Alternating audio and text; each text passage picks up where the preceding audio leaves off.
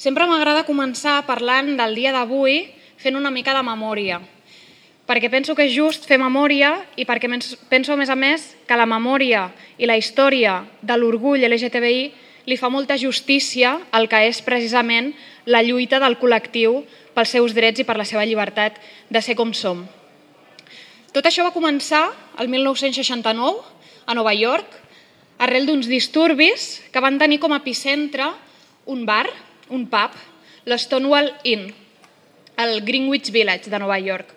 Aquests disturbis eh, policials que perseguien precisament totes aquelles persones que es trobaven eh, en aquest pub, persones travestis, persones trans, mariques, bulleres, persones que es considerava que estaven als marges de la societat. Doncs aquestes persones van decidir deixar d'estar als marges i posar-se al centre i passar a l'acció.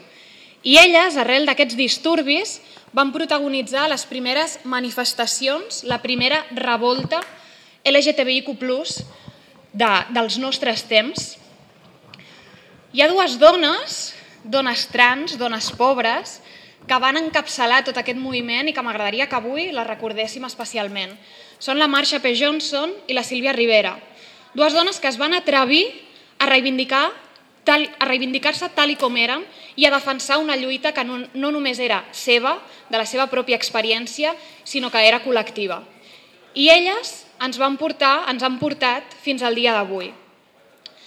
Anys més tard, no va ser fins al 1977, que a Barcelona es va fer la primera manifestació per l'alliberament sexual i de gènere. També elles, aquelles que van liderar aquesta primera marxa a Catalunya, són les que van encendre aquesta espurna que ha caracteritzat tant la lluita del col·lectiu LGTBIQ+, perquè no és una altra cosa que això, una lluita constant i un acompanyament col·lectiu. I això és una herència preciosa que, a més a més, m'agrada que anys després tots aquests, allò que va néixer d'uns disturbis, d'una revolta, li haguem acabat anomenant orgull perquè realment és això. A nosaltres ens enorgulleix la diversitat, ens enorgulleix trencar la norma, ens enorgulleix aquests marges que han florit i que avui són una reivindicació de vida, de drets humans. Nosaltres volem recordar cada any aquest Stonewall, aquesta revolta i totes aquelles que, revoltes que han precedit aquest moment. I per això avui som aquí i per això avui també des dels pobles, també des de la societat civil, també de les, des de les entitats i també des dels ajuntaments fem un clam unitari per la defensa dels drets del col·lectiu LGTBIQ+, aquí i al món i fer un clam ferm també en contra de l'odi que ens amenaça. Per tant, us demano que per totes aquelles que ens han precedit, per la lluita del col·lectiu LGTBIQ+, passat, present i també futur, fem un aplaudiment. Gràcies.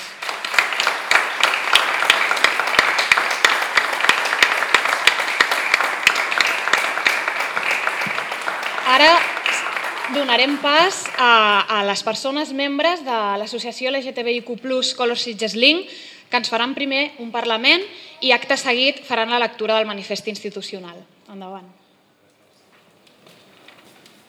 Hola, bona tarda. Eh, I gràcies a totes, a tots i a totis per haver vingut.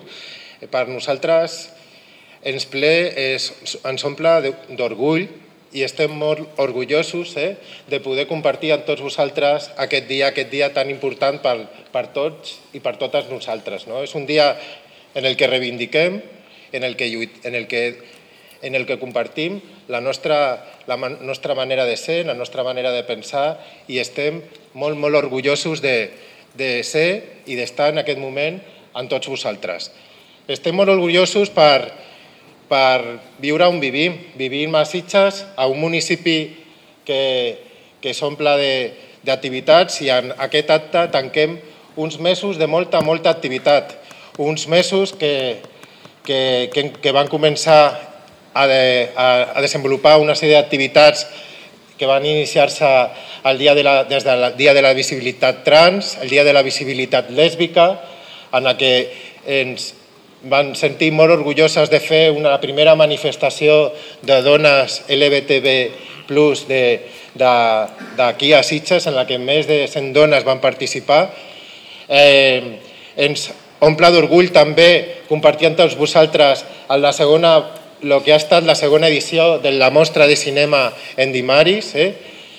Ens omple d'orgull també celebrar dia a dia tot el que mes que ha estat el mes LGTBI, més, jo crec que en el que el teixit associatiu ha estat a l'alçada de lo que significa estar i compartir el municipi de Sitges i, i, bueno, i només recordar-vos que, que tenim, d'aquí, quan acabem l'acte, tenim un acte aquí a la biblioteca en la que presentem una guia de com, de com en, en, en, dels passos que han de fer, com han d'actuar en el cas d'una discriminació i un delicte d'odi. I volíem compartir amb tots vosaltres i, i ens omple també d'orgull tenir aquesta bandera tan gran que el nostre company Marcos ha elaborat. I, i res més, jo ara ens agradaria...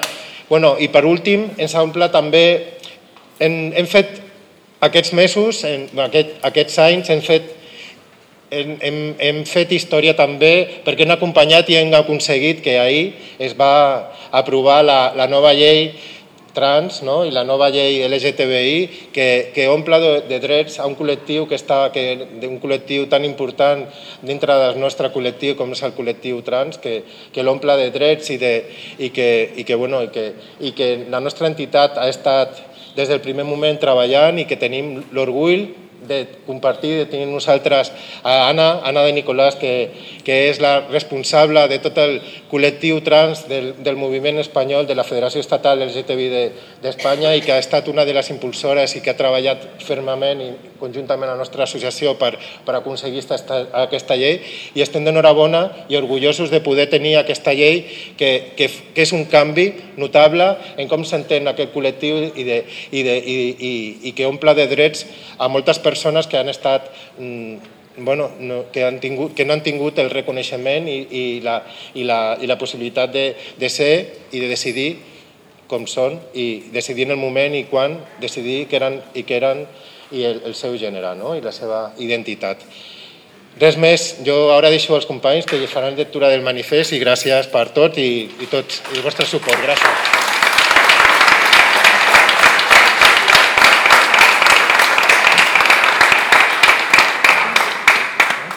El dret a, a, a caminar pel carrer sense por, sense rebre insults ni patir agressions per qui som o per anar agafats de la mà de la nostra parella.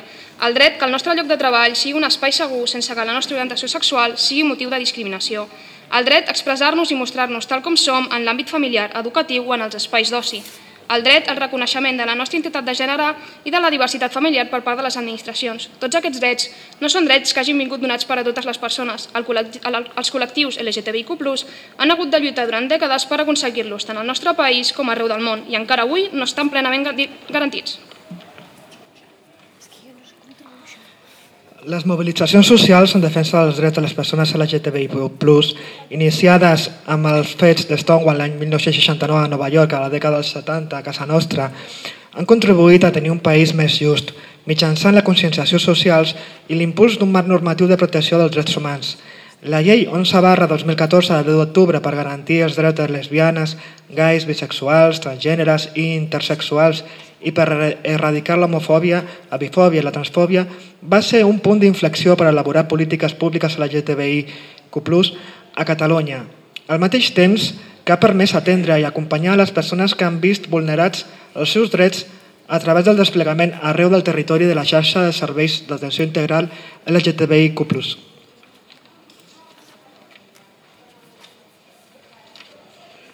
Més recentment, la llei 19-2020, el 30 de desembre, la igualtat de tracte i no discriminació reforça les mesures per assolir una protecció real i efectiva contra qualsevol forma o acte de discriminació o d'intolerància per motiu de l'orientació sexual, la identitat o l'expressió de gènere de les persones. La futura llei trans catalana, actualment en elaboració, ha de continuar el camí cap a la plena garantia de drets. Com més drets, més justícia, més democràcia.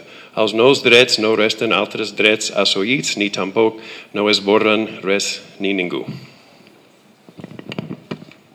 Fer valdre les lleis d'igualtat en tots els àmbits i desplegar-les amb la màxima potència és una obligació de tots els poders públics. I ho és encara més avui dia davant els discursos d'odi a la diferència i el qüestionament per part de l'extrema dreta dels drets assolits.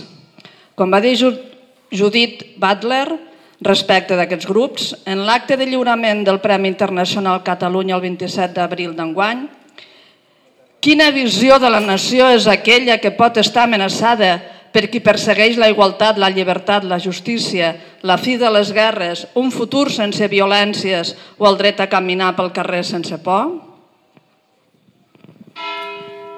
A Catalunya, tornarem a dir tantes vegades com faci falta, no passaran. Més que mai, les entitats i els poders públics del país defensarem els drets de les persones a viure en llibertat i treballarem per accelerar un canvi social que només serà possible si les polítiques públiques feministes són transinclusives, si les polítiques LGTBIQ+, són feministes i si totes aquestes polítiques són també antiracistes i tenen en compte l'edat o la discapacitat.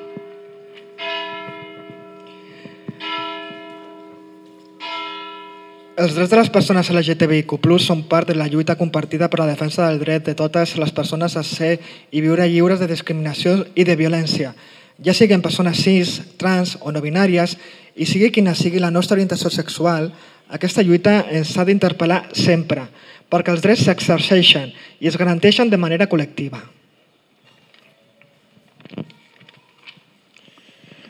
Volem demanar a tots, a totes i a totis un minut de silenci pels companys i companyes per l'atemptat a Oslo en el que han estat assassinats dos companys LGTBI amb 21 ferits i 6 d'ells molt crítics que podrien morir en el properes hores. Tot, totes les persones hi eren festejant l'orgull LGTBI a Noruega.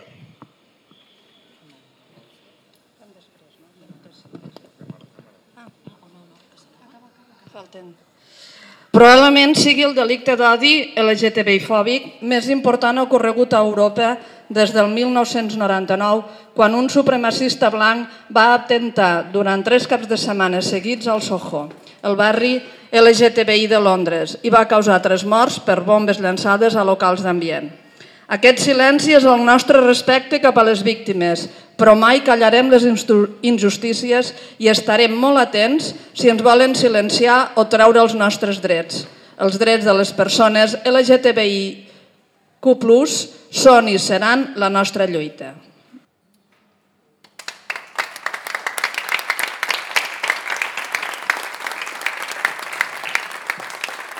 Moltes gràcies a tots i a totes. Gràcies per, gràcies per acompanyar-nos avui aquí, gràcies pel vostre suport que teniu de venir aquí una estona per defensar els drets fonamentals de totes les persones. Moltíssimes gràcies a totes les associacions, entitats com Color Sitges Link, particulars, tots aquells que cada dia penseu i defenseu els drets fonamentals de les persones perquè Sitges és orgullosament diversa i sempre en traiem bandera, però malauradament encara cada any hem de venir aquí i reivindicar-nos i reivindicar la, el dret a la igualtat, el dret a la, a la llibertat perquè tant ens dona que cadascú de nosaltres vulgui ser un home, vulgui ser una dona, no s'identifiqui en cap gènere, què més ens importa? El que ens importa és que som persones que defensem la igualtat i que defensem la llibertat i que sobretot rebutgem la violència i rebutgem la homofòbia, sobretot. Així que, per defensar els drets fonamentals de totes les persones, lluitem sempre. Moltes gràcies a tots i a totes.